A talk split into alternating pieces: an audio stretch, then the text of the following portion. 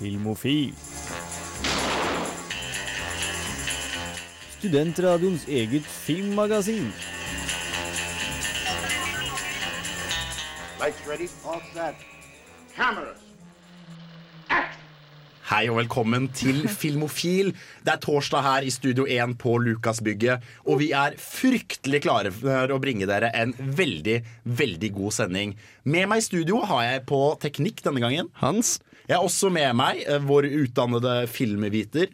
August. Og en annen utdannet filmviter som i dag ikke står på teknikk fordi hun har såret armen sin og vært et bevisst menneske og jobbet for flokkimmunitet innad i jentene. Hei! Hei, Trine. Jeg tok HPV-vaksina i dag. ok? Og det er applausverdig. Med mindre du er nesodding sånn som meg. Jeg mener, den, jeg mener det er fullstendig avskyelig og kan ikke godkjenne dette. Satser på du ikke får autisme. Sånn går det. Vil du ha kvikksølv, så får du kvikksølv. Vi skal snakke om Bone Tomahawk, som August har vært og anmeldt. Vi skal snakke om Doctor Strange, som Trine har vært og anmeldt. Og vi skal snakke om zombier. Den uh, filmsjanger som har levd ganske lenge. Hatt en liten renessanse rundt 2008, og nå er den død, eller har den gjenoppstått? Vi skal høre Moby and the Void, Pacific Shore med Are You Lost In This World Like Me.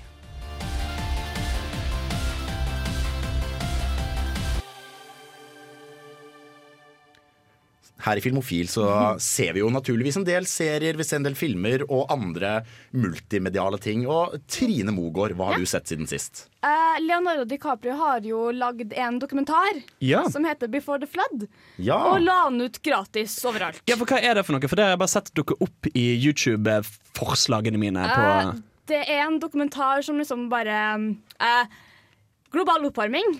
Det skjer, folkens! Vi har nødt til å gjøre noe nå. Så det er litt sånn Leos inconvenient truth, Kanskje. kanskje? Kanskje. Men det er liksom, jeg satt og var så sur, for det, det er så mange politikere i USA som bare Nei, det finnes ikke. Det er bare oppskrytt. det er noen som har funnet det opp. Ja, Vi har, vi har jo et par av de her Ja, til lands òg, da, Det, vi skal Men- ikke sitte her på vår høye hest, liksom. Nei. Men når de, når de bare legger fokuset på liksom, oljeselskapene og sånn, og hvor mye makt de faktisk har i Senatet og etc., så blir jeg ekstra sur. Ja, for det er jo ikke en film som nødvendigvis gir deg troen på menneskeheten. Nei, dæven han! Men uh, hva synes du om det som en dokumentarfilm? Den er veldig bra. Jeg likte den veldig godt, faktisk. Og Leo har en veldig fin stemme å høre på, for den går jo i voiceover hele tida. Ja. Så du får med deg litt, ting litt bedre når den stemme jeg vet jeg liker. ja, det var noe av det jeg så for meg kunne være irriterende med den dokumentaren. Fordi altså, Leo er jo en litt sånn når du ser han på intervjuer, og sånn, så er han litt sånn glatt og kjip fyr. Så, så, så jeg, jeg ser for meg at Eller jeg så veldig for meg at det, det kunne være en av de tingene som satt deg veldig ut av opplevelsen. Og jeg kjenner at jeg sitter og tenker litt Hvem faen er Leonardo DiCaprio til å snakke om dette? Ja, Al altså Utover at han er en skuespiller Men- og åpenbart gjør seg bra på skjermen, hvorfor i helvete står han og forteller er oss om dette? det er ikke en veldig innpå sjøl, da. Liksom bare sånn Jeg er bare en skuespiller, ja. liksom. Hvem faen er jeg som kommer her? Ja. liksom? Men, men han bruker liksom identiteten og pengene sine for å få dette opp og fram i lyset. på en måte Litt, fordi liksom eh, dem- For å lage filmen så måtte han jo Han for jo rundt om i verden i to år. Mm. For han var jo FNs um, et eller annet pris. Klimaambassadør eller Ja. noe sånt noe? Så han for jo rundt overalt. Og liksom på slutten av filmen så står det liksom filmen her var liksom Vi kom oss dit vi skulle fordi vi betalte en carbon tax. Så liksom um, Klimakvoter. Ja. ja. Ja. Så han, han, han fløy mye, men han kjøpte seg fri for det. Så. Så lenge du er rik, så slipper Ja. du unna med alt. Men de jo, om ikke annet så har de i hvert fall veldig mange, veldig mange kjente gjester. da ja, Han har jo intervjua blant, øh, blant annet Elon Musk og Obama Ja. i denne filmen. Så det er jo det er jo kanskje en fordel da hvis du har penger og innflytelse. Så kan du jo si 'hvem faen er jeg som er en skuespiller', Ja. men du kan i hvert fall prøve. Så intensjonen hans må jo i hvert fall kunne hylles. Ja, jeg blir for jævlig nervøs hver gang jeg sier det, for jeg har jo ikke troa på menneskeheten i hele tatt. Jeg kommer til å dø om et par år. Nei, en god del tiår. Det, det, det kommer til å gå til helvete! Ja, ja, men det er jo bare oss ungdommen som tar det, så det går helt fint. Hvite menn som pusher 50 kommer til å være i jorda lenge før det er et problem. yes. Hans, hva Ja. har du sett siden sist? Du, jeg har sett to TV-serier som jeg føler jeg må snakke litt om. Ja. Det er Westworld og Skam. Ja, for nå har jo du på en måte hva skal vi si? Du Endelig har, tatt Norge igjen. ja, du har jo tatt igjen resten av Filmofil som har snakket om Ja. dette her de to siste sendingene. Og hva Hva har du å bringe til bordet? Hva Nei, kan du si om dette? Begynn med Westworld. Jeg Ikke snakk noe mer enn de to første episodene, jeg, for dem har jeg jeg, sett. jeg skal ikke nevne noe spesifikt. uh, med mine tanker rundt det. da uh, Altså Westworld er jo denne sci-fi-western-greien. Eh, og jeg liker det veldig godt. Altså, altså Det er veldig godt skrudd sammen. God, jævla godt manus, gode skuespillere. Jævla kult konsept som er funnet på. Minner litt om tegneserien Replicants, uh, syns jeg, hvis noen så den noensinne. Um, I hvert fall. Um, det som gjør at jeg har et lite problem med det, er at det er kun mystikk og mysterie. Det er veldig lost så langt. Uh, at det bare er liksom masse karakterer som vi ikke aner egentlig hvem er. Vi vet ikke hva motivasjonen deres er. Vi vet ikke hva bakgrunnen er. Det er én eller to folk av eh, fem-seks hovedpersoner vi vet hva egentlig vil, og hva egentlig har lyst til å oppnå, og selv det er litt sånn gjetting. Men øh, jeg er egentlig veldig enig i det du sier. At mye av mystikken er ikke fordi det ikke har skjedd ennå, du ikke vet hva som kommer til å skje, men fordi vi bare rett og slett ikke har fått lov til å vite det. Nettopp. Og la, for, fordi jeg syns det er fint å sammenligne den med Game of Thrones. Fordi jeg er veldig glad i Game of Thrones, og i em, på nettet så er det florerer det av forumtråder hvor en snakker om teorier. Hva kommer til å skje videre? Eh, hva er ambisjonene til de forskjellige folkene? Hva kommer til å skje når de møter de? Videre. Men det er jo basert på ting vi vet. Vi vet hva som driver denne karakteren, vi vet hvor han skal, vi vet hvem som er der karakteren skal, vi vet hva som driver den karakteren den karakteren kommer til å møte. Og så kan en spekulere ut ifra det, ut fra det de har gjort, ut fra det de har sagt, ut fra det vi vet.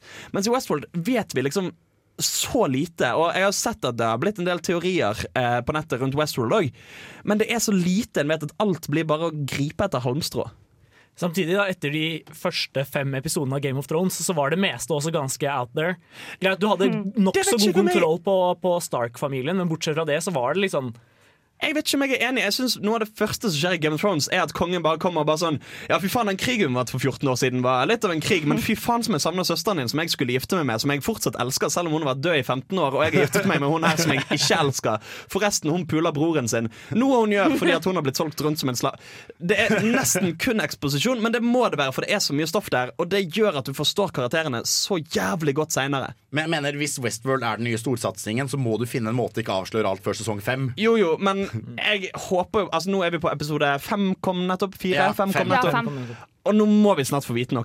Ja, det en syns eller jeg. annen avsløring sånn Dette er den, det er den personen er, og dette er det han vil.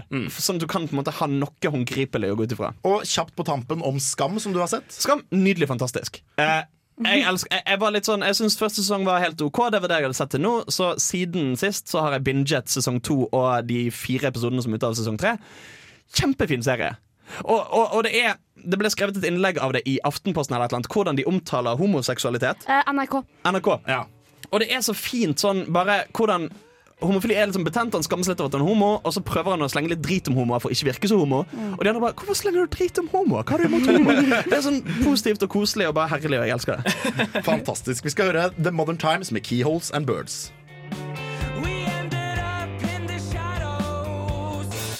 Vi fortsetter å snakke om ting vi har sett siden sist. Og August, hva har du sett siden sist? Jeg har sett en eh, 80-tallssleger ved uh. navn Beverly Hills Cop. Oh! Ja! Bam, bam, bam, ja, fantastisk. Magisk. Ja. Nei, eh, det var, det, var, det var, litt morsomt å se. Det, det, det føles liksom Politiskolen bare bra. Ja, fordi eh, um, Jeg har prøvd å eh, se litt av standupen til Eddie Murphy. Ja. Og mye av det preges av at det har ikke holdt seg. Det er veldig produkt av tiden. Det er veldig sånn Å, jeg håper ingen homser kommer og puler meg nå, for da får jeg aids. Nei, for- for, Beverly Hills Cop har også litt sånn utdatert tempo, særlig. Den, er, den er ganske treg i forhold til hva en tilsvarende film ville vært i dag. Men, eh, men samtidig så tar den opp en del kule temaer. Altså den eh, De snakker liksom om, om rasisme og forskjellen på, på måte, å være, være ja, sånn fancy Beverly Hills-kopp sammenligna med å være på gata i Detroit. Eh, og, og en del sånne ting som på en måte fortsatt er relevante temaer. Men, men som en komedie så har den ikke holdt seg sånn kjempegodt, nei. Nei, um, fordi jeg syns ofte det kan være litt koselige ting med gamle filmer. Fordi jeg så jo uh, nettopp uh, Dawn of the Dead, som vi skal snakke litt om seinere. Og der òg er det jo tilfeller det at de tar seg tid til å vise en del sånn innimellom-scener. Og bare sånn nå skal de gjøre dette i fem minutter. Uten at det nødvendigvis tilføyer mye annet enn bare at vi får se karakterene gå rundt og gjøre ting. Men der er jeg ikke nødvendigvis helt enig, for Tarantino gjør jo nettopp dette her. Viser sånne mellomscener, samtaler, som på en måte er med på å sette stemningen. Og jeg har også sett uh, Beverly Hills Cop en gang på TV2 Filmkanalen i sånn 2007 eller noe. Og jeg er helt enig i at det er, det er en veldig langsom film. Du er sånn ja, Skjer det noe snart, eller? Er det, blir det noe skyting? Eller? Ok, Han går inn i et varehus, og det har han gjort i nå fire minutter. Ja, altså er noe, også noe med at veldig mye av det han drev med da, som kanskje var nyskapende i tiden, har blitt litt sånn klisjeer nå. Så, Ja. og, og, og siden tempoet da er så sakte, så føler du på en måte ikke helt på hvor fresht det en gang kan ha vært. da. Ja. Med han som, han som sånn, eh, sånn, sånn eh, afroamerikansk moromann. Det, det, Det hørtes skikkelig rasistisk ut, men jeg tror ikke det var det. Boogagutt, liksom. Nei, men så, så jeg, jeg vet ikke helt. Det, den, den eh, fungerer ikke like godt nå som jeg tror den gjorde på 80-tallet, men det, det er helt grei film, liksom. Fortsatt litt egenverdi igjen. Ja. Jeg har sett noe som er veldig aktuelt, spesielt hvis du er liksom 40 og liker Broen og NRK og sånne ting. For jeg har sett første episode av Nobel. Ja! Eh, og jeg vil Det første jeg tenkte, er hva hvis American Sniper var en serie, norsk og bra? Oi! Ja, for dette er den nye storsatsingen til NRK med Aksel Hennie. Og, Ja, eh, og de skrev vel nå nylig at de har ikke budsjettet til en sesong to. Um, så, men det er virkelig godt produsert, altså. Det, du får ordentlig inntrykk av at de er soldater i Afghanistan. Jeg vet ikke de, Jeg tror de har filmet mye av det i Afghanistan. Det ser i hvert fall sånn ut, og de har på en måte laget en sånn ordentlig militærbase som de starter med en sånn skikkelig sånn panoramashot. Eh, og så har du på en måte hele tiden den tidshoppingen hvor han er ute på tur, kommer hjem til Norge, og hvordan det, han, han takler det å være sivil igjen. Og liksom eh, møte sønnen som spør ja, har du drept noen. Eh, og på en måte forholde seg til det å være soldat da, i veldig veldig sivile Norge. Så jeg vil si det er gjort ganske godt, i hvert fall den ene episoden jeg har sett. Ja, for jeg synes Det er litt imponerende at NRK tør å lage litt sånne, sånne større satsinger. da Som man på en måte ikke kunne fått til uten videre uten en statskanal. Eh, jeg, vi snakka jo for noen sendinger om eh, eh, For noen sendinger siden om kampen om tungtvannet. Ja. Og Den er også litt i den kategorien sånn en ganske ambisiøs sat, satsing til norsk TV å være. Som på en måte ja, jeg, jeg ikke tror vi kunne fått til uten NRK. da Nei, og for Sånn du beskriver det, Markus, så får jeg litt inntrykk av um, hva, hva skal jeg si, litt sånn lavmælt storsatsing. Altså Litt på samme måte som Generation Kill, for eksempel. Hvor det ikke er kjempestore eksplosjoner og bomber, eller noe sånn men du føler at her har de brukt, tatt seg god tid og lagt en del penger i det, bare så det skal være korrekt på en litt sånn beskjeden måte. Ja, jeg tror det er veldig noe der at det er en storsatsing, men det virker ikke som de skryter av det på en sånn flashy måte. Så jeg gleder meg til å se mer, og jeg har jo en del venner som eh, fortsatt jobber i Forsvaret, og de digger jo denne serien. Så de Det er jo de har jo, det er et godt tegn, så de har jo tydeligvis gjort noe riktig. Vi skal få nyheter med vår nyhetskorrespondent Trine Mogård, men før det så skal vi høre Kappekoff med Oktober. I think it's over. Filmofil gir deg nyhender fra filmen og fjernsynets i spanende verden. Trine har vært ute i felten med skuddsikkervest og hjelm og kommer tilbake med rapporter fra den store, vide filmverdenen. Trine, gi oss noen nyheter. Det er flere creative differences ute og går. altså. Oi! Men vi tar en som var forrige, forrige sending, med Tim Miller. Ja. Og han forlot jo Deadpool 2. Nå skal han bli executive producer på Sonic the Hedgehog-filmen. Det tok de også på nerdeprat i går, eller på onsdag, hvis man vil høre det. OK. ok, ok jeg, jeg tenker, Dette kan jo bety at vi får en bra Sonic the Hedgehog-film. Uh. Eh, Jeg, jeg tenker også umiddelbart at fyren har gjort et eller annet fuck up. Eh, og at creative differences er han har drept en prostituert eller, eller blitt sånn, tatt med to kilo kokain eller noe. Og, eller slått til uh, han uh, Ryan Reynolds. Er det ikke han heter? Jo. Jo. Um, og nå basically tar hva som helst bare, bare fordi han, han trenger Han vil redigere format, liksom. Ja, for Det virker som det er en eller annen slags naturlov som sier at video, eller filmer basert på videospill må bli dårlig. Ja. Det, det er ganske fascinerende, egentlig. Og, Og som en bonus så har jo basically alle Sonic the Hedgehog-spill siden 2006 vært ræva. Ja, Det lover jo ikke godt for liksom kulturen rundt det heller. Men altså, vi hadde jo Lego-filmen som viste at med godt sett regissører og manusforfattere, så kan du skape gull ut av gråstein.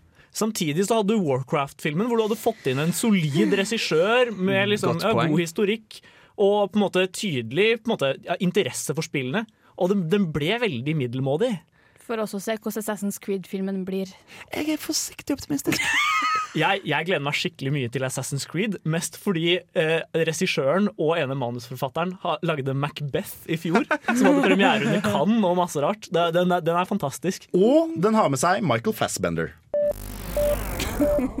Um, det skal jo komme en eh, Flash standalone-film med Ezra Miller. Stemmer.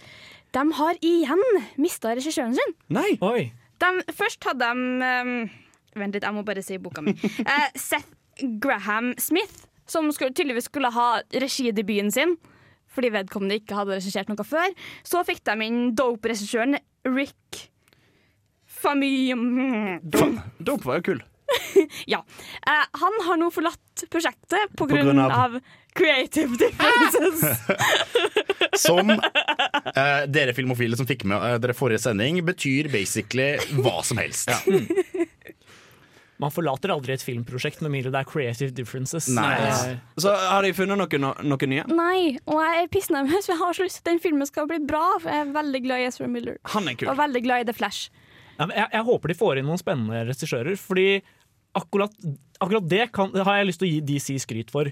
De finner interessante regissører til filmene sine. Zack Snyder, du kan si hva du vil om han, han er en interessant type. Ja. Og, og Wonder Woman skal jo nå uh, regisseres av hun som hadde regien på Monster. Den eh, filmen om uh, eh, Aileen Wuornos. Ja, seriemorderen. seriemorderen. Og David Ayer, han som hadde regien på eh, Suicide Squad, hadde jo også lagd i hvert fall helt OK filmen uh, Fury. Men hvordan gikk det, August? Hvordan gikk det? Men det skal jeg ikke uttale meg om. Jeg har ikke sett Suicide Squad. Jeg bare, jeg bare har lyst til å gi dem ros for det. da Ja, så Flash inntil videre jeg er skeptisk. En siste. Ja. Mm. det er litt Johnny Depp-nytt, faktisk. Oi! Fordi han har blitt casta i oppfølgeren til Fantastic Beasts and Where to Find Them. Gøy. Og vi vet ikke hvem han spiller. Det går litt eh, rykter rundt om at han enten spiller Dumbledore eller Grindelwald. Da, Eh, da håper jeg virkelig det er Grindelwald, ass. For Johnny Depp som Dumbledore, det har Det jeg hadde, ikke troa det hadde jo blitt Jack Sparrow som Dumbledore. Jeg har mer lyst til å se en Jack Sparrow Grindelwald enn en Jack Sparrow Dumbledore. Ja, men done. Ja. For at det ryktes jo om at Grindelwald faktisk er med i Fantastic Beast. At vi bare ser bakhodet til den, til den og at vi faktisk har sett bakhodet til Johnny Depp i traileren. Men f- f- fordi jeg tenker det kunne jo Altså Johnny Depp kunne jo fungert veldig fint i Harry Potter-universet som en sånn fjollete trollmann. Ja. Men bare ikke Sparrow Door. Nei, og, og, og, og Gøy. Eh, og jeg tenker på en måte Jeg syns ikke han passer som humleslår, åpenbart. Nei. Og kanskje ikke heller som Grindelwald, for Grindelwald er liksom en litt sånn skikkelig skurkefigur. En litt sånn Ja. fanatisk, idealistisk na Men, nazifigur. men hvem vet, da kanskje han har det i seg veldig, veldig veldig dypt. Det i kan seg. ja. Jeg tenker eh, at han kan kanskje gjøre en god, litt sånn mystisk skurk. Vi får se når den filmen kommer. Nå skal vi høre Tom Savoy med 'Morning'. Vi har intet mindre enn to anmeldelser denne sendingen. Og den aller første er det Trine Mogård som har vært og sett. Ja. Og hva er det du har sett? Jeg har vært og sett Doctor Strange, den nyeste Marvel-filmen. Ja, og den, det var vel I det øyeblikket vi fikk pressevisningsmailen, så skrek Trine 'Den skal jeg ha, og den skal jeg se, og den skal jeg anmelde'. Så her skal vi få høre Trine Mogårds anmeldelse av Doctor Strange. Marvel kommer nå ut med sin andre film det her året. Istedenfor å sette fokus på de mest kjente superheltene, som Iron Man eller Captain America, setter de nå fokuset på en av de kanskje litt mindre kjente superheltene i Marvel-universet, nemlig Doctor Strange. You think you know how the world works? What if I told you the reality you know is one of many? I Doctor Strange møter vi Stephen Strange, spilt av Benedict Cumberbatch. En arrogant kirurg som havner i en bilulykke som nesten ødelegger hendene hans. Han eh, prøver seg på utallige operasjoner, før han så drar til Kamartaj i Katmandu for en siste utvei for å fikse skadene sine. Der møter han The Ancient One, spilt av Tilda Swinton, som lærer han at det ikke bare er vårt univers som eksisterer, men flere univers som danner The Multiverse. Han lærer seg å bruke kraftene fra de her universene for å utføre magi, for å stoppe Cassilis fra å la en demon ved navn Dormammo fra den mørke dimensjonen å ta over jorda. Through the mystic arts, we harness energy and shape reality. We travel great distances in an instant. Det var spennende å se Marvel bevege seg inn i den magiske verden, noe de ikke har gjort i tidligere filmer. Regien til Scott Derrickson, som tidligere har lagd Sinister, fungerer godt i denne filmen. her. Han bringer noe nytt til Marvel, samtidig som du tydelig kan se at dette er en Marvel-film. Med en liten dose humor, som det er i de fleste Marvel-filmene. Det er kanskje et pluss å ha sett de tidligere Marvel-filmene før du ser den her. Gir deg kanskje litt mer, som 'Å gud, jeg vet hvor det her kommer til å gå', og 'det her er så kult', oh my god'. There's a strength to him. But is he ready? Skuespillerne gjør en god jobb i filmen. De kjenner karakterene sine og spiller derifra. Benedict Cumberbatch som Dr. Strange var magisk å se på, noe av det beste i filmen. Tilda Swinton gjør det fantastisk som The Ancient One, som i tegneserien egentlig er en gammel asiatisk mann. Det fikk mye oppstyr rundt seg når hun ble casta, men jeg syntes hun gjorde det fantastisk. Mats Mikkelsen gjør en veldig god jobb som skurken i filmen, men det får litt den Marvel-skurketropen som gjør til at han kanskje er litt enkel å glemme innen neste film kommer ut. Be careful which path you travel down, Strange. Stronger men than you have lost their way. Doctor Strange er en av de bedre standalone-filmene til Marvel. Den klarer å stå på egne bein, men gir også noen godbiter til oss som har sett alle filmene fra før av. Og som vanlig er det to end credit scenes som kommer etter rulletekstene. En som knytter den sammen med The Avengers, og en som viser til en oppfølger. Jeg ville ha sett begge om du er veldig fan av Marvel. og ordene Doctor Strange will return som gjør meg så klar for å se en i en annen film. Uh, what's this, my mantra? It's the Wi-Fi password. We're not savages. Det her høres ut som en, eh, en god Marvel-film. Ja, det er, det. Men en god film for seg sjøl òg, egentlig. Ish. Har den litt den samme sånn Marvel-smaken, holdt jeg på å si? Ja. Er den, uh, hvis du har sett en Marvel-film, så vet du på en måte litt hvordan de, de er. Hvordan de Mm. føles. Og det de har mye av det samme, eller er det en Ja. veldig nytt? Nei. Det er noe nytt blanda med noe gammelt, liksom. Det er en veldig fin blanding. Hvilken eh, Marvel-film syns du den ligner mest på? Siden det er sånn kjempeobskur karakter, så går den litt den samme Jeg veit ikke. Iron Man, kanskje. Mm, Tror jeg. For den, går, den følger veldig mye den samme historikken, for det er jo en origin story. Mm. Um, en ting jeg kom til å tenke på uh, Når du nevnte det med at de tar opp hele dette med multiverset og Ja. de ulike dimensjonene som finnes Ga de noen antydninger på at dette får ramifikasjoner videre? Fordi en av de tingene jeg både elsker og hater med tegneseriene, er at det er en clusterfuck av ulike dimensjoner og alternative tidslinjer og diverse. Altså, uh, virkeligheten Marvel-universet foregår i, er vel Earth Ja. 616, tror jeg Ja, tror er noe sånt. ut av et utall plane eh, planeter og Ja. dimensjoner hvor noen er sånn motsatt at alle, alle de snille er onde, og alle de onde er snille, og ulike varianter av de ulike skurkene, og noen har fått unger, og så har ungene kommet til denne dimensjonen. Men de, de gikk ikke så veldig mye inn på der. Da. Det var bare Mm. liksom den tanken på at det finnes veldig mange universer, og vi kan ta kreftene fra det universet og liksom Så det, er- det er ikke en scene hvor liksom Benedict Cumberbatch drar frem en graf og et spreadsheet og begynner å trekke tråder? Jeg skulle ha trodd det. Eh, En ting jeg har vært litt sånn eh, skeptisk til i forhold til på en måte hele, hele, hele den derre Oi, nå er vi ute i verdensrommet og nye dimensjoner. Blir, blir det ikke litt mye? Det meste foregår på jorda. Yeah. Det som er, Vi ser ikke så mye til de andre universene. Vi ser The Dark Dimension, som er liksom mer eller mindre hovedbad guyen i filmen. Og så ser vi liksom noe som heter The Mirror Dimension, som ikke gjør noen innvirkninger på den ekte verden i det hele tatt. Ja. Så det, Jeg har jo sett traileren, og det ser ut som liksom Inception på steroider. Er det, er det veldig mye kule spesialeffekter? Ja, fy faen. Det er, det er nydelig å se på. Jeg så den i 3D. Jeg glemte å nevne det i anmeldelsen. Den er kanskje verdt å få med seg i 3D, altså. Faktisk en film som er verdt å se i 3D. Ja, for det, det, det blir litt sånn veldig stort og kult. Så Doctor Strange, verdt å se. Kanskje til og med i 3D. Vi skal høre Mikael Paskalev med 'Witness' før vi får anmeldelse av Bone Tomahawk.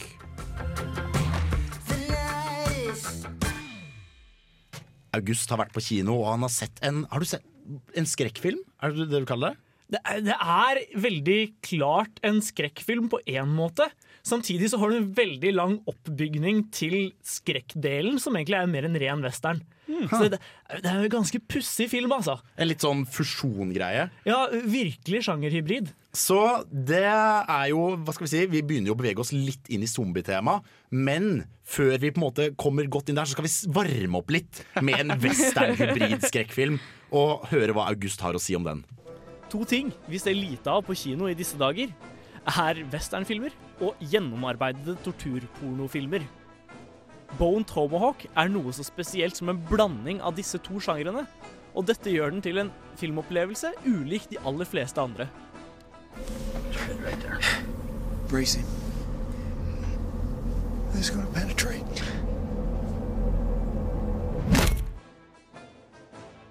Handlingen er for så vidt enkel. En liten og rolig nybyggerby blir over natta angrepet av indianere som kidnapper en kvinne, og mannen hennes, spilt av Patrick Wilson, legger av gårde inn i indianerterritorium på tross av brukket ben, sammen med sheriffen, spilt av Kurt Russell, og to andre menn for å vinne henne tilbake. Here's a uh, situation. Serious. Mrs. O'Dwyer was abducted. She is my everything, and those savages have got her. God knows what they're doing to her. Først av alt vil jeg gi Bone Tomahawk skryt for hvor gjennomarbeidet den føles.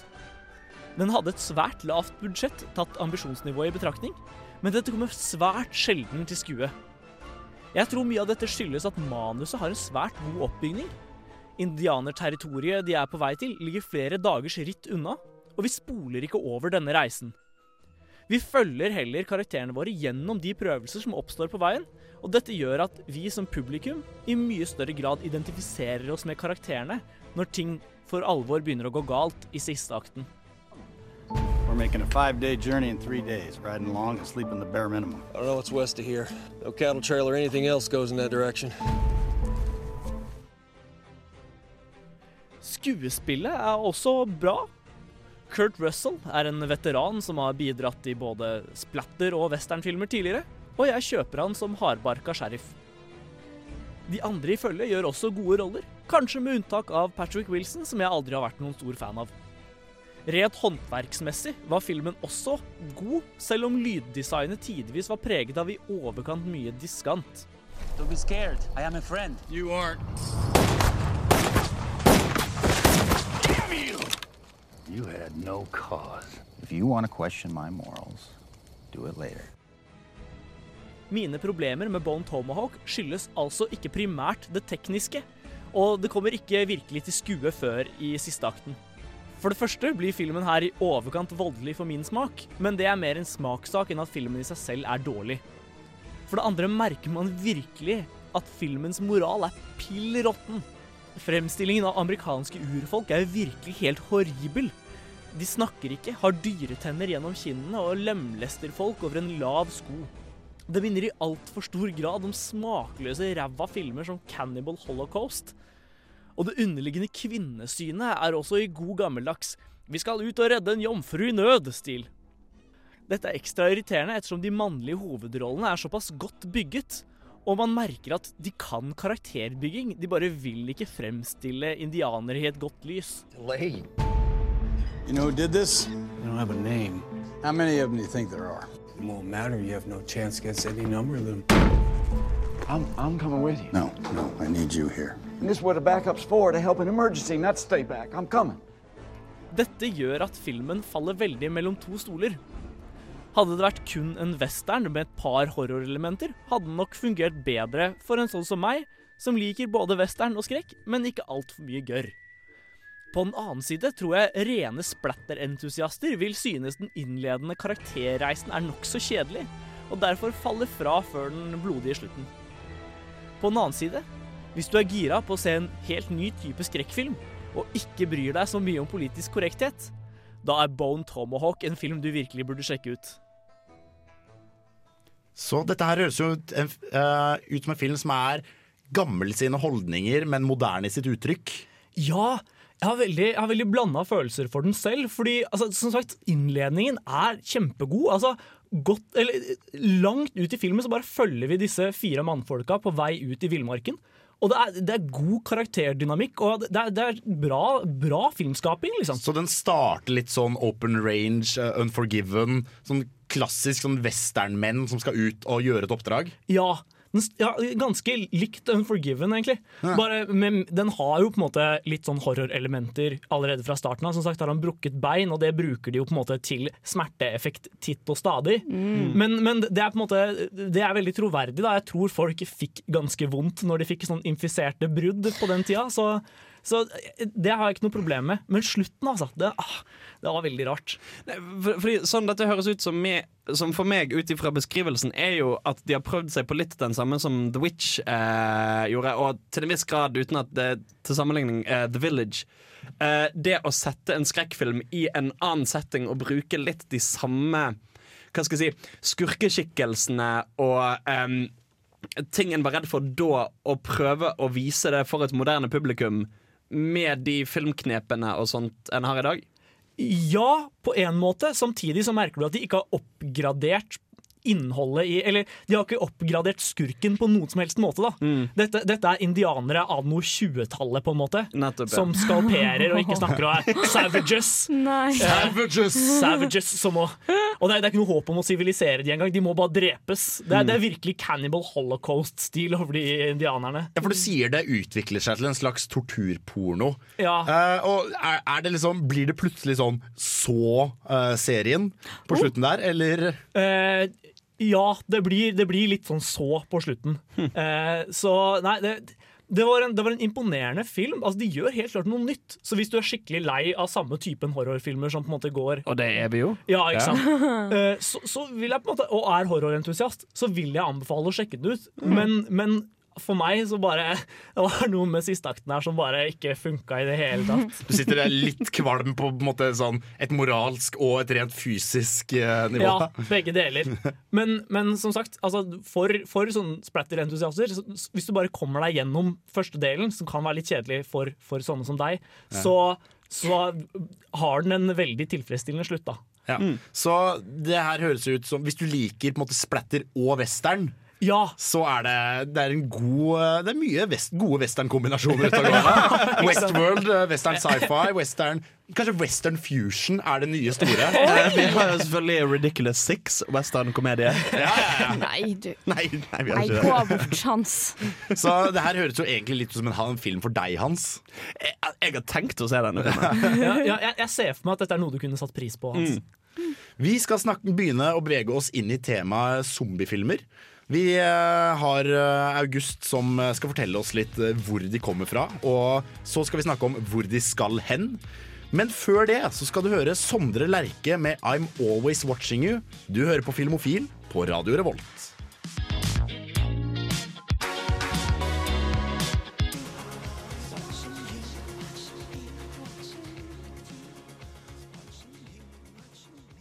Vi skal begynne å bevege oss inn i sjangeren zombiefilmer. Og det er Jeg vil si det er en stor sjanger.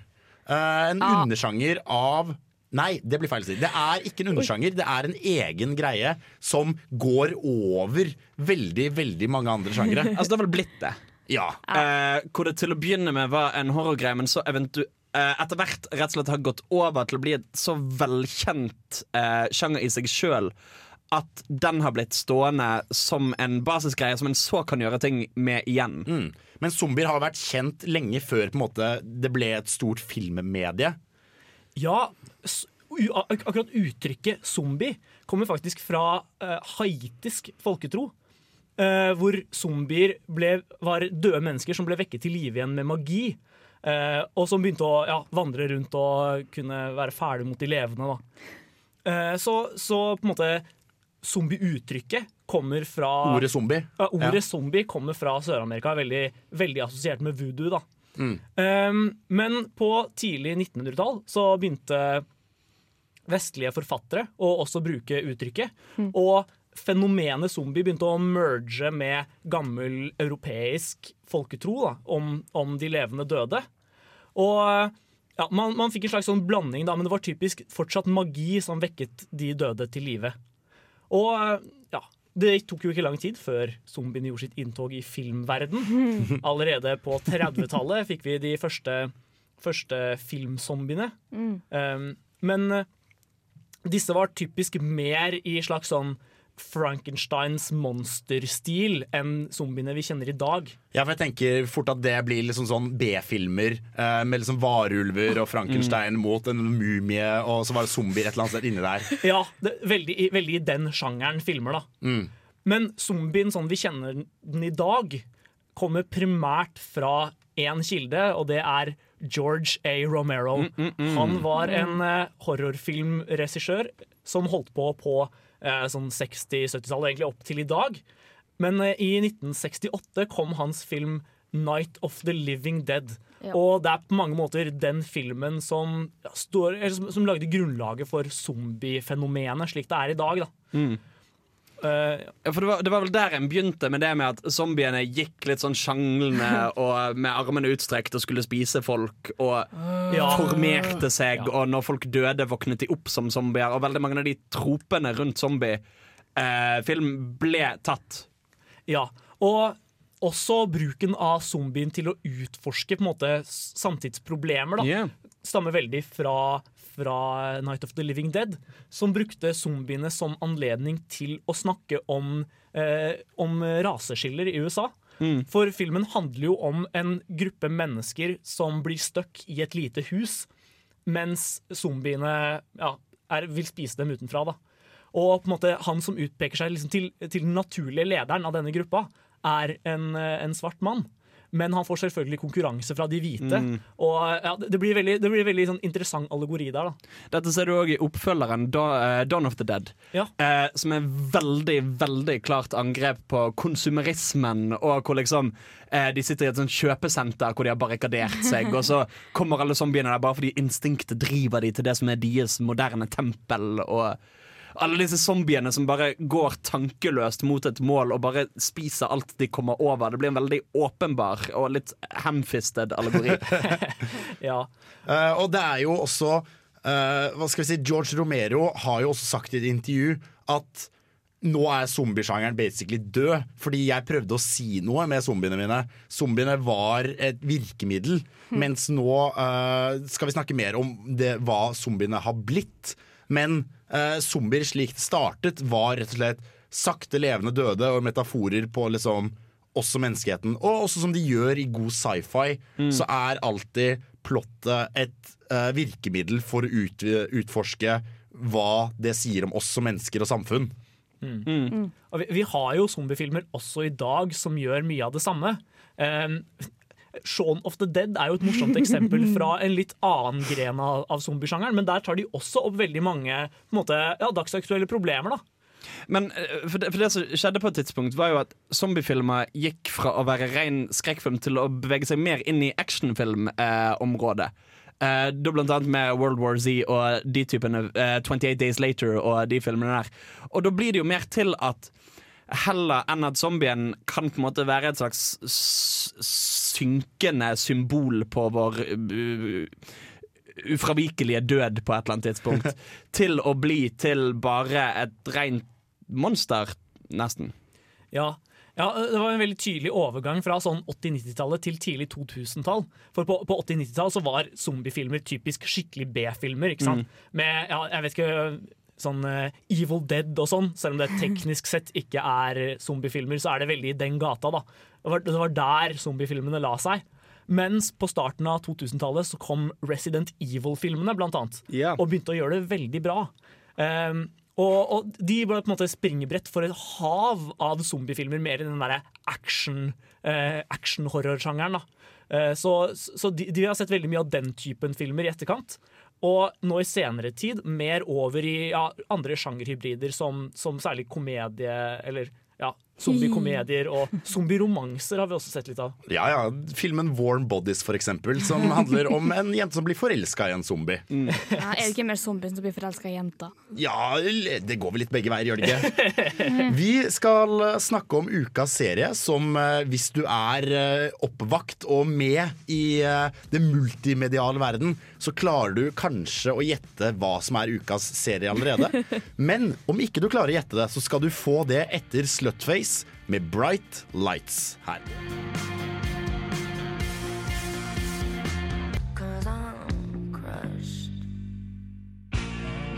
Hei! Hei! Det er ikke 90s sitcom-flashback. Ta og Skru på noe annet. Ja, bedre, men prøv igjen. Der, ja! Ahem.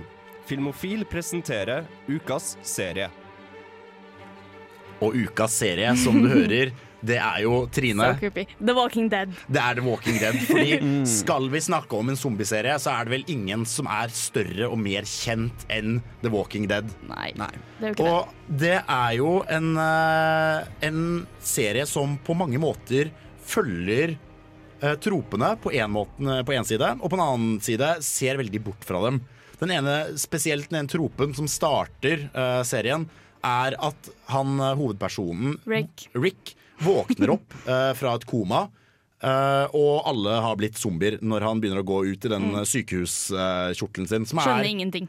som er nøyaktig det samme som skjer i f.eks. 28 Days Later. Ja. Og hva er det som gjør at du liker denne serien, Trine? Fordi jeg har sittet med inntrykket av at du liker den. Jeg liker de første sesongene, for at jeg datt av i sesong fem. Da man nå starta på sesong sju. Jeg så jo øh, åpningsepisoden i sesong sju og satt og grein en nevet.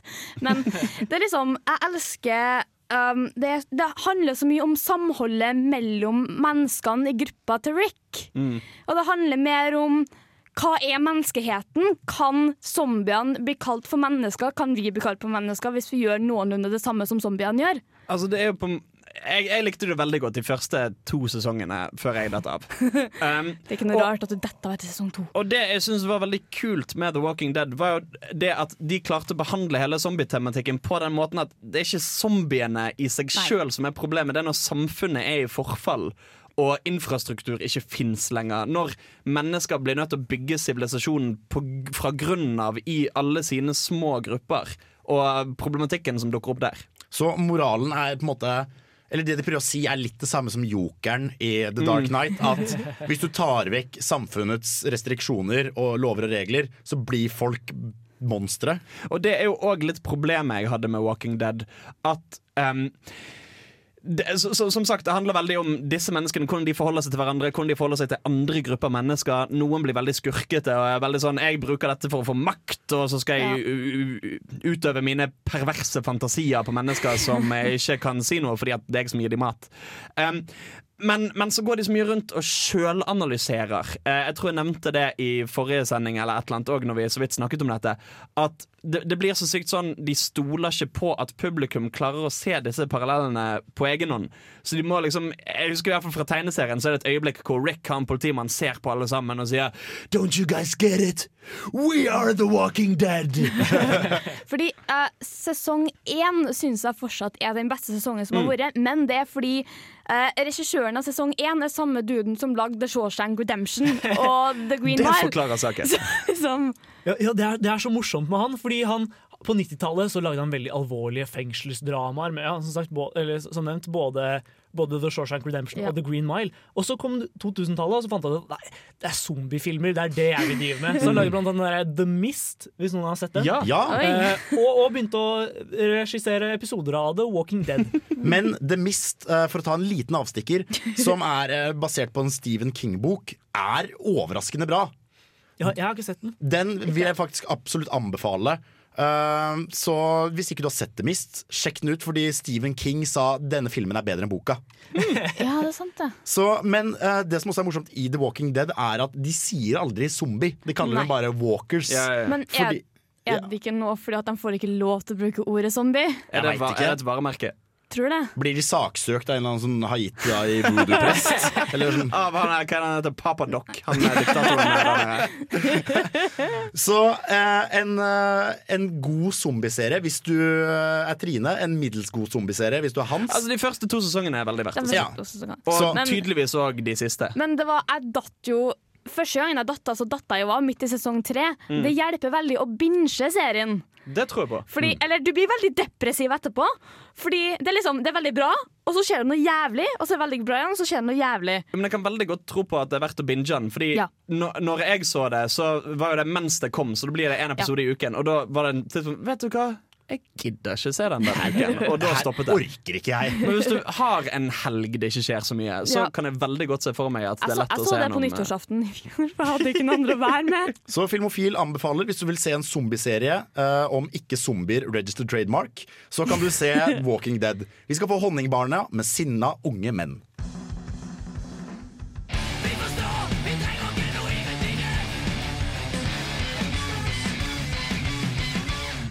Vi skal fortsette praten om eh, zombiefilmer som tar det litt ned, og som ikke nødvendigvis er så veldig lystige. Fordi etter hvert så har det jo blitt en del forskjellige sjangere. Men zombiene har jo også vært monstre.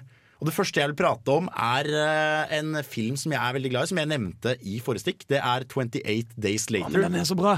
Den er fryktelig bra, og den handler jo om uh, dette å på en måte være menneske, og hva skjer når samfunnet bryter sammen.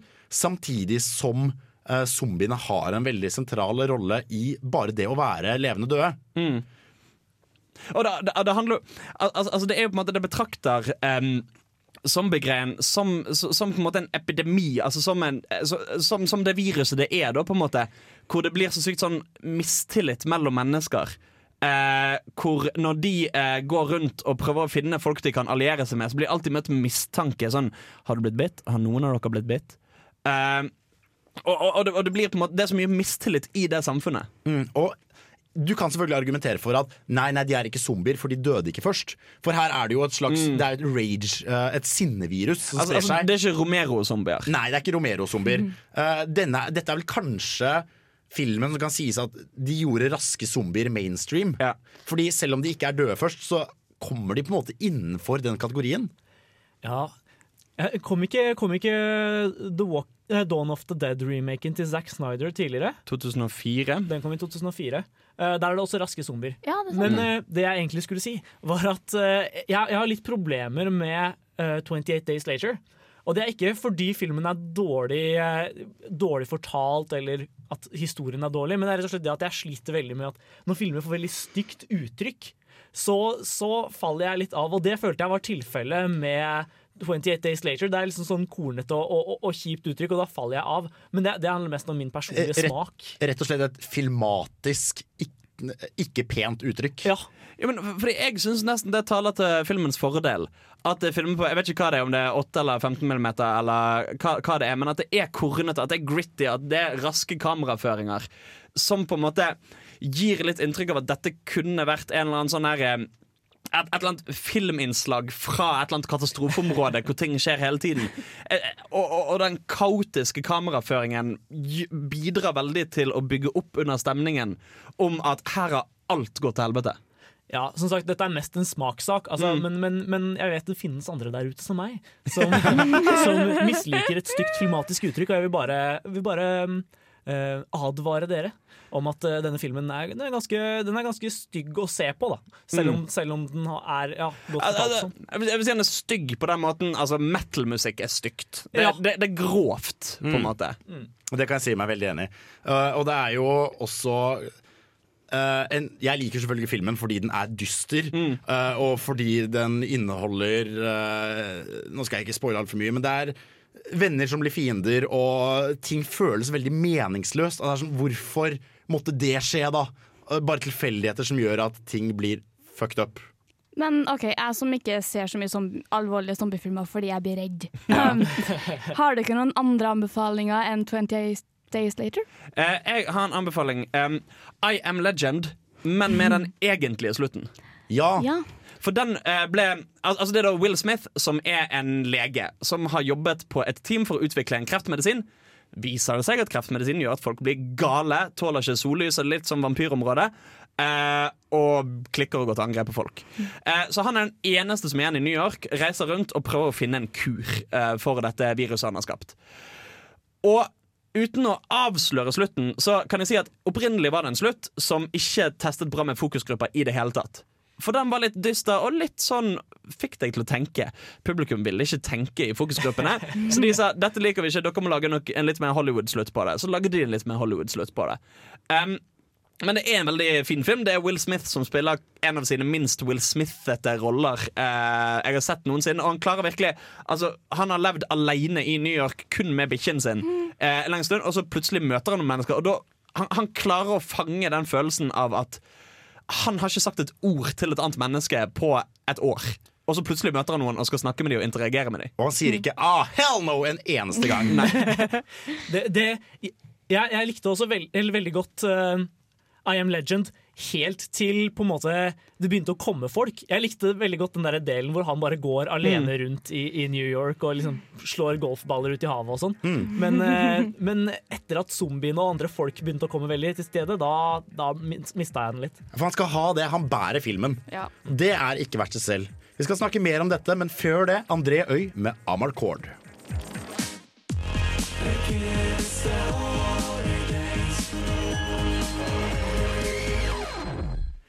I løpet av en periode jeg vil si det var omtrent rundt da Call of Duty World, War, eh, World at War kom ut, så ble plutselig zombier så utrolig mainstream. Altfor. Og alle skulle lage zombiefilmer og zombieserier og zombiespill.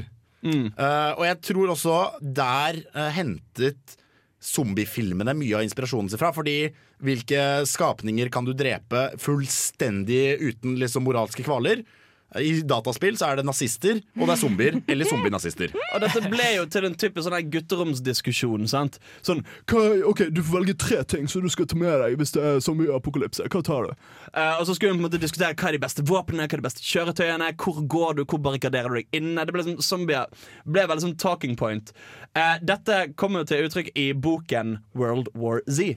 Eh, som er en kombinasjon av en håndbok for hvordan håndtere zombier og eh, muntlig gjenfortelling av hvordan zombieapokalypsen, som i den boken allerede har skjedd og vi er litt ferdig med Basically en muntlig historie av hele hendelsesforløpet fra det begynte til det tok slutt.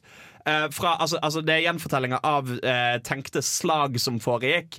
Eh, steder det gikk veldig dårlig, steder det gikk veldig bra. Vitnebeskrivelser fra steder som gikk helt til helvete. Og dette ble det lagd en film av i 2009. Med Brad Pitt i Med hovedrollen. Brad Pitt i 2009? hovedrollen. Ja, Var ikke det så eh, tidlig? Eller driter jeg meg ut på lufta nå? Trine finner det ut, men Samme kan det være. Ja. Jeg tror det var 2012. Ja, jeg tror også det var Fordi- 2013. Ja, det var da Den kom da alle egentlig var lei. Ja. Så diskusjonen Ja. var Ok, men klarer de å gjøre det bra fordi alle er egentlig ferdig med zombier nå? Mm. For, eh, jeg vil bare nevne en annen TV-serie, bare sånn kort. uh, som er veldig forskjellig fra alt annet. Uh, iZombie. Ja. Den er på Netflix, er ikke det? Jo, den er på Netflix. Der det liksom Det er uh, Spiser du hjernen, så får du alle minnene til vedkommende. Og det er highly functioning zombies. Så fordi eh, disse zombiene er jo også zombier som ikke nødvendigvis er de, de har ikke dødd på den George Romero-måten. Det er ikke folk som kommer opp på bakken med én hånd Nei, av graven først. Og sånn, brains uh, Men dette er, dette er rett og slett bare Hva skal vi si mennesker som ikke er mennesker lenger. Mm. Og i, eh, i World War C så blir de sånne George Romero kalte det Army Ants. Ja, ja. Hvor de flyr opp etter murene på Israel. Og det som er litt det som, det, det, det som gjør at jeg irriterer meg litt over den filmen, er jo òg det at der jeg, vet ikke, jeg føler at Mye zombiefilm har på en måte som utgangspunkt at en ser for seg at en zombiekatastrofe kunne vært unngått. Fordi de, ganske, de beveger seg ganske sakte. Det er bare å knalle hodet på dem, så dauer de. Men likevel eh, rakner samfunnet, og da blir det en kommentar der. Sant? Da blir det 'hvor lite skal egentlig til før alt rakner'? Mens i World War Z så tenker du Selvfølgelig rakner samfunnet! Har du sett på det, eller? Det blir sånn eh, Tror du samfunnet hadde raknet hvis noen slapp en atombombe på alle de største byene i verden? Selvfølgelig hadde de gjort det. det blir, eh, zombien blir en for formidabel eh, motstander, syns jeg. Mm. Men før denne filmen kom og egentlig la hele sjangeren dø for en god stund, så skjedde det en slags sånn sjangerdifferensiering eh, innad i zombiene. At zombiene ble rett og slett De ble så mye rart. Som du nevnte, Trine, så var det denne Eye Zombie, Ja. hvor du har high functioning zombie som spiser og får minnene. Eh, Du har ukas hjemmelekse, som vi kommer til, som var Zombieland, som var på en Mhm. måte komedie og spilte litt på disse uh, spill uh, videospilltropene. Ja, For ikke å snakke om Shaun of the Dead, som eh, ja, virkelig lagde en slags sånn zombie-komedie som spilte på tropene, men som allikevel hadde mye smart kommun, uh, Ja. samfunnssatire. For det er en slags sånn metazombiefilm, hvor de snakker om uh, alle de klassiske Romero-zombiene, uh, og spiller på hva hadde du gjort hvis du var i en eh, verden full av treige zombier og ga litt faen? Og det er, jo, det er jo nettopp det som skjedde òg etter hvert. At det, zombier var blitt et så etablert eh, filmgreie at folk kunne tulle med det. Folk, selvfølgelig er zombier sånn og sånn, men hva hvis du har tidenes slappeste folk i en zombie- i? Hva hadde skjedd da? Vi skal snakke litt om uh, hva som hadde skjedd hvis uh, noen ungdommer var i uh, zombieverden. For det er plottet i Zombieland. Nå får du Mind Design med Use Your Mind.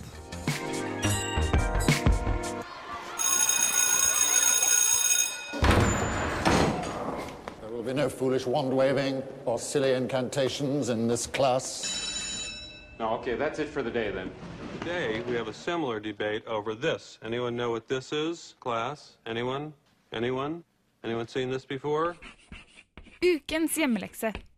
Og ukens hjemlekse er, som jeg kanskje allerede har røpet, Zombieland fra 2009.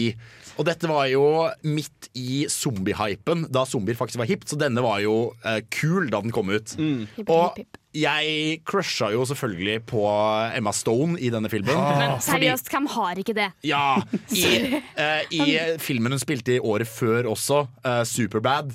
Så jeg hadde jo en eh, Fra 2008 til sånn 2010 eller noe, så var det Emma Stone som var, eh, var the crush. Og ja, Hans? Ja, dette er jo prakteksempelet på hva som skjer når du har eh, en hel verden som snakker om zombier og hvordan fungerer zombier, hva ville du gjort? Og da disse ulike karakterene som har ulike innfallsvinkler på hvordan du håndterer det, hvordan du overlever. Noen som lurer, noen som bruker brute fucking force og forskjellig. Ja, for alle gutter uh, på den tiden, meg inkludert, Mm. hadde jo Jeg hadde til og med en skriftlig plan som var i en konvolutt forseglet in case of zombies. Yeah. Åpne den her. Uh, hvor jeg da hadde planlagt hvor vi skulle dra på Nesodden trelast, og hvem som skulle handle våpen og mat osv. osv. Uh, og selvfølgelig lage en liste med liksom kitta man skulle ha. Man skulle ha en pickup, man skulle ha et samuraisverd og gudene vet hva. Uh, og denne her spiller jo litt på dette at hva skal man gjøre når zombiene kommer? Så skal vi høre et uh, lite utdrag hvor uh, Jesse Eisenberg forteller sine liksom, sine regler for å overleve Zombieland. And why am I alive when everyone around me has turned to meat? It's because of my list of rules. Rule number one for surviving Zombieland cardio. When the virus struck, for obvious reasons, the first ones to go were the fatties. Poor fat bastard. But as the infection spread and the chaos grew, it wasn't enough to just be fast on your feet. You had to get a gun and learn how to use it. Which leads me to my second rule the double tap. In those moments when you're not sure the undead are really dead, dead, don't get all stingy with your bullets. I mean, one more clean shot to the head. And this lady could have avoided becoming a human Happy Meal. Woulda, coulda, shoulda. Det er akkurat samme reglene som du har i spillet. Always double tap. Ja. Så det her det appellerte jo til den målgruppen Mm. jeg var i, så det sang etter. Ja, og det, dette med de reglene til Jesse Eisenberg er det, det, det blir en sånn running joke gjennom Ja. hele filmen. Ja, ja, ja. Hver, hver gang de finner ut et eller annet som er lurt å gjøre slash ikke gjøre, så kommer det en sånn ny regel på lista. Det er fantastisk. Og Bill Murray har verdens beste cameo i den filmen! Og de har, også, de, har, de har en sånn running-greie som er zombie kill of the week. Ja. Eh, hvor liksom bedømmer den kuleste måten å drepe en zombie på. Så det er på en måte Det, det er jo tydelig at en er jo klar over at disse zombiene kommer og har tenkt å drepe oss. Men vi tar ikke det så alvorlig. Nei, og det er jo også selvfølgelig Hvordan hadde du i virkeligheten reagert om alle du kjente ble omgjort til zombier? Selvfølgelig, Det hadde jo vært posttraumatisk stressyndrom over hele linja Mm. og bare tristesse. Men her så er det jo Dette er jo guttefantasien. Eh, Det, han, det starter jo med at han nesten får seg et ligg, og alle gutta i salen tenker 'Å, det var jævlig digg', da! Uh, og så ender det med at han dreper henne med et dolokk. Uh, og uten at det liksom gjør noe særlig innvirkning på han Utenom at han blir skjelven og liksom 'ja ja, får lære å løpe', da. Ja, for Det syns jeg kanskje er det største problemet med filmen også. Det at du får, jeg, jeg fikk i hvert fall ikke så mye noen følelsesmessig respons av den. Den har på en måte flere anledninger som kunne vært måte oppriktig følelsesladede, men som på en måte bare blir ledd bort. Og øh, ja, jeg, jeg tror filmen kunne, kunne tjent på å ta seg selv litt mer seriøst. Ikke så veldig mye mer, men litt mer. Altså, Jeg syns den har sine øyeblikk eh, som kommer nærmere slutten. Eh, så på en måte det å skulle eh, liste det opp blir å spoile filmen. Men, men det er en del avsløringer som skjer, som jeg, jeg syns gir det en liten sånn bakgrunn av dybde. Uh, som jeg syns fungerer veldig fint. Mitt verste mareritt kom Came true. Klovnezombie. Klovnezombie. Og det er jo også et slåttord, for det er, det er jo den ultimate skrekkzombien. Men der har jo også han godeste Og hva heter cowboyen? Um, Woody Harrelson. Woody Harrelson. Woody Harrelson er jo også hva skal vi si, erketypen av liksom zombie-redneck. Ja, ja, ja. Twinkies! Ja. For, for de, de, altså Jesse Eisenberg og um, Woody Harrelson sin rolle representerer jo to ulike innfallsvinkler til hvordan du ville håndtert det. De som bare sånn Nei, vet du hva, jeg hadde bare gått helt Rambo, jeg, og så bare funnet alle gunnerne og bare drept alle. Og en bare sånn Nei, vi må ha system, og så må du finne de og de tingene, og så må du gjøre det Mm. skikkelig. Ja, for Han ene er liksom skråtobakk Doomsday Prepper, og han andre er gutten som har lært å drepe zombier fordi han har spilt uh, Call of Duty Zombie Mode. Så to tolkninger av hvordan de mener det hadde gått. Du skal høre Misty Coast med Funny World.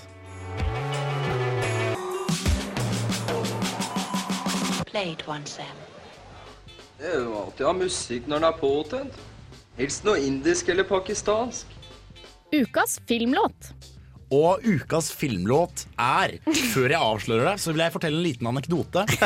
Da jeg så uh, filmen Ukas filmlåt er hentet fra, så opplevde jeg at Først og fremst det var ikke mange i kinosalen, for den hadde gått litt på kino. Uh, og over halvparten av de som var der, gikk under denne låta. Jeg så Død snø, og låta var Min dag av Åge Aleksandersen. Men, men folk stakk fra kinosalen. Folk fant ut at vet du hva, dette her blir for dumt, og dro. Åh, Jeg, syns synes det er veldig rart at det skulle skje under den sangen, for det er jo kanskje det beste øyeblikket i filmen. det er jo dritbra. Jeg lo så det sang i kino, den nesten tomme kinosalen. Men det er liksom, det er så campy at det blir bra på en måte. Men k- hvem er det som går i en Harald Svart-film og tenker at dette kommer til å bli en seriøs og skikkelig Eh, Tommy Ja, Wirkola-film. Tommy Wirkola hadde ikke Harald Svart. Ja, OK, han andre idioten fra Norge.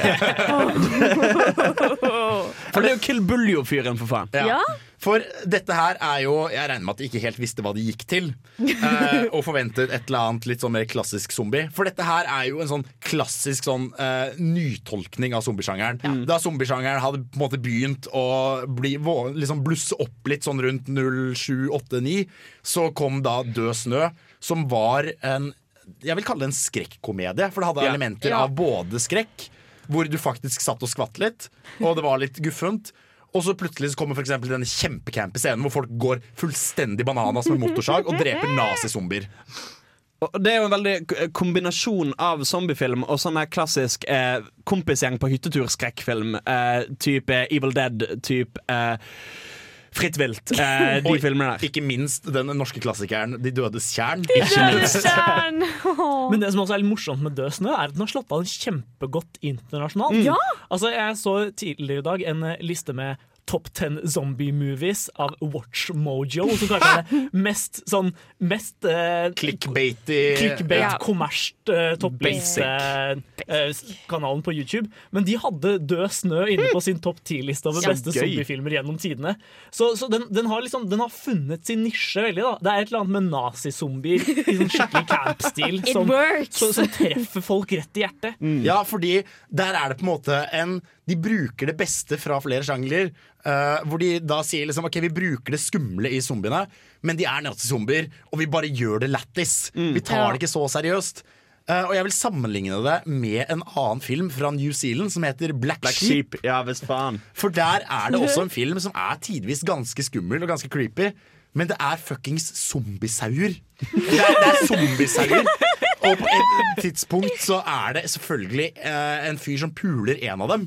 Så liksom Det er en fryktelig morsom film, men den er også skummel samtidig. Men jeg syns jo det er så flott at en kan faktisk ha en sjangerblanding mellom skrekk og komedie, og det funker som begge deler. Ja, for det er, de, de går ikke veien til uh, f.eks. Scary Movie, Nei. hvor de sier vi gjør narr av det skumle, men du har elementer av det skumle, men det er også morsomt. Og det er en sjangerblanding som ikke er så veldig vanlig. Eller som Ghostbusters, som jeg vil si ikke er skummel i det hele tatt. Ja. Hvor du kan gå den veien også. Men jeg synes Død snø er absolutt verdt å se, fordi det er eh, Hva skal vi si? Det er nazizombier, og den bare Den pisser litt på zombiesjangeren, samtidig som det er en del av den. Samtidig så må det jo sies at filmen er ganske dårlig på mange måter. Altså, den, den det, jeg vet ikke helt Jeg klarte ikke helt å sette pris på den da jeg så den, bare fordi det ble litt sånn Det ble litt sånn ræva på både morsomme måter, men også på litt sånn kleine måter. Så jeg, jeg vet ikke helt. Det kan hende jeg bare er kresen. Altså, jeg vil jo si, altså, det er jo en dum film. På, på, på, på en måte altså, altså, de, har ikke, de har ikke prøvd å lage Night of the Living Dead på nytt, liksom. Eh, det, det er jo ikke forsøk på noe dypere budskap om menneskets natur i Død snø. Det er jo en tullefilm. Men, men jeg, jeg syns han klarer veldig det han prøver på. Al altså Det å bare være en tullete splatterkomedie eh, med nazizombier i norsk villmark. Det er en dum film jeg faktisk liker. Så det er jo det nærmeste du kommer liksom, en Oscar, en Academy Award fra Filmofil. Så nå skal vi høre 'Min dag' av Åge Aleksandersen.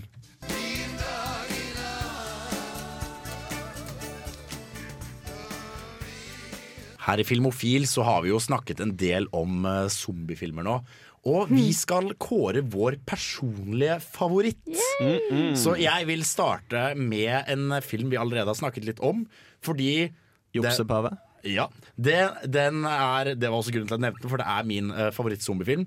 Den er mørk, den er jævlig, uh, folk dør, det er noe voldtekt i den. Fullstendig grusom film. Det er selvfølgelig 28 dager senere. uh, og jeg liker denne filmen fordi den er så troverdig i måten den gjør det på. At i motsetning til f.eks. Zombieland, som er en eh, guttefantasi, så har du da en veldig sånn realistisk tilnærming til at folk dauer. eh, og hvis du er uforsiktig, så blir du bitt.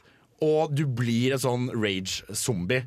Og plutselig så er eh, de du elsket for ett minutt siden, må du nå slå i hjel. Og det, det som er kult med den filmen også, er at de, de, har, altså de hadde litt lavt budsjett når de skulle lage den, og da bare fant de sånn måter å gjøre ting på. For eksempel når han går alene gjennom London i, i sånn jævla slåbrok eh, fra sykehuset. Så går han gjennom et folketomt London.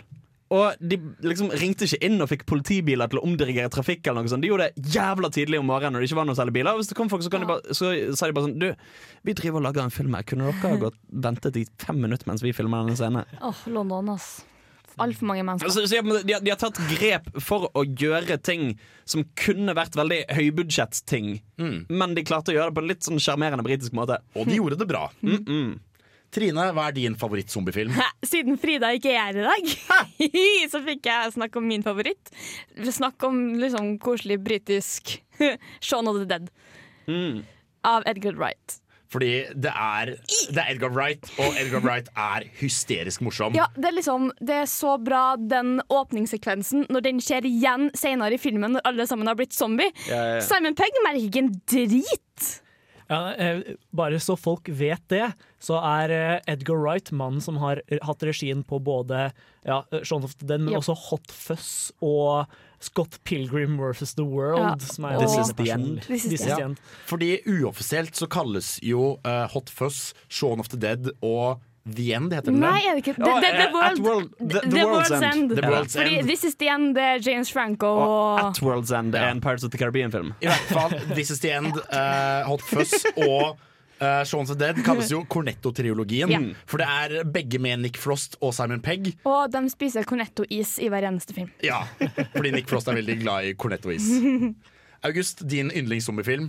Eh, Jeg har lyst til å trekke fram en zombiefilm som er i veldig annet territorium enn det vi har snakket om tidligere i dag. Uhu. Nemlig Paranorman. For eh, Ja, vi har jo et, eh, et, eh, animasjonsstudio vi er veldig glad i her i Filmofil. Noen vil beskrive det som en raging boner. Som har lagd blant andre Coraline og var kinoaktuelle med Kubo and the Two Strings tidligere i Mm. høst. Å, den er så fin. eh, som Hans anmeldte, hvis dere vil høre det.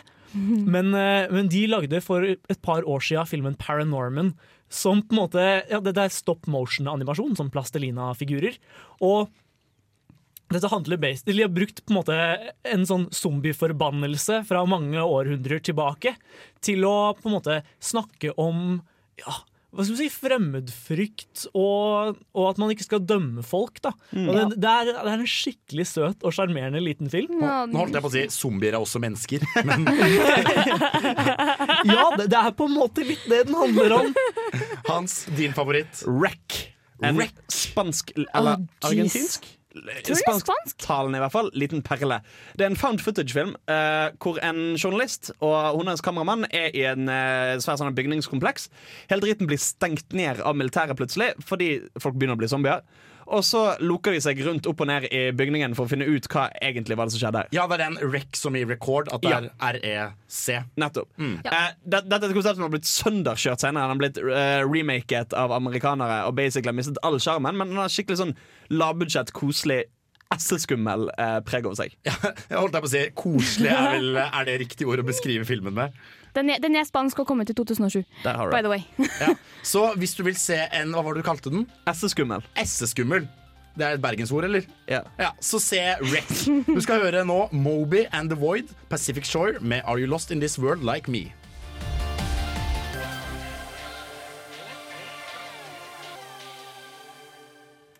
Jeg vil si at uh, hjernen vår nå er passe fortært. For vi er eh, Vi har kommet til eh, veis ende. Vi har kommet til slutten av sendingen. Og skal allerede begynne å se fremover. Men hvis du kommer nå helt Skru på radioen helt til slutt, så kan du gå tilbake i sendingen når den kommer på radiorevolt.no, og høre enten August sin anmeldelse av Bone Tomahawk eller Trines anmeldelse av Doctor Strange. Yay. Vi har uh, kommet fram til de beste zombiefilmene og snakker litt om zombiefilmen som sjanger. Men nå er det på tide å tenke på neste uke, for da skal vi snakke om romvesener. Vi bør øve på å si ting samtidig. Ja. var sånn, Skal vi si aliens, eller skal vi si romvesener? Hva- Hmm. Railians! Railians! Vi skulle hatt en teorin som spilte litt i bakgrunnen nå. Men eh, ukas hjemmelekse er ikke Alien, men Predator. Fordi eh, Alien er eh, sikkert så mange som har sett at den tar vi som en selvfølge. Og Predator er jo en perle av en film. Ja, med Arnold. Arnold. Stick around! Vi må jobbe litt med de imitasjonene våre. Vi i studio har vært Hans. August. Trine. Og jeg heter Jan Markus. Jeg håper virkelig du har kost deg her med oss på Radio Volt og Filmofil. Og så ses vi selvfølgelig neste torsdag. Tusen takk for oss.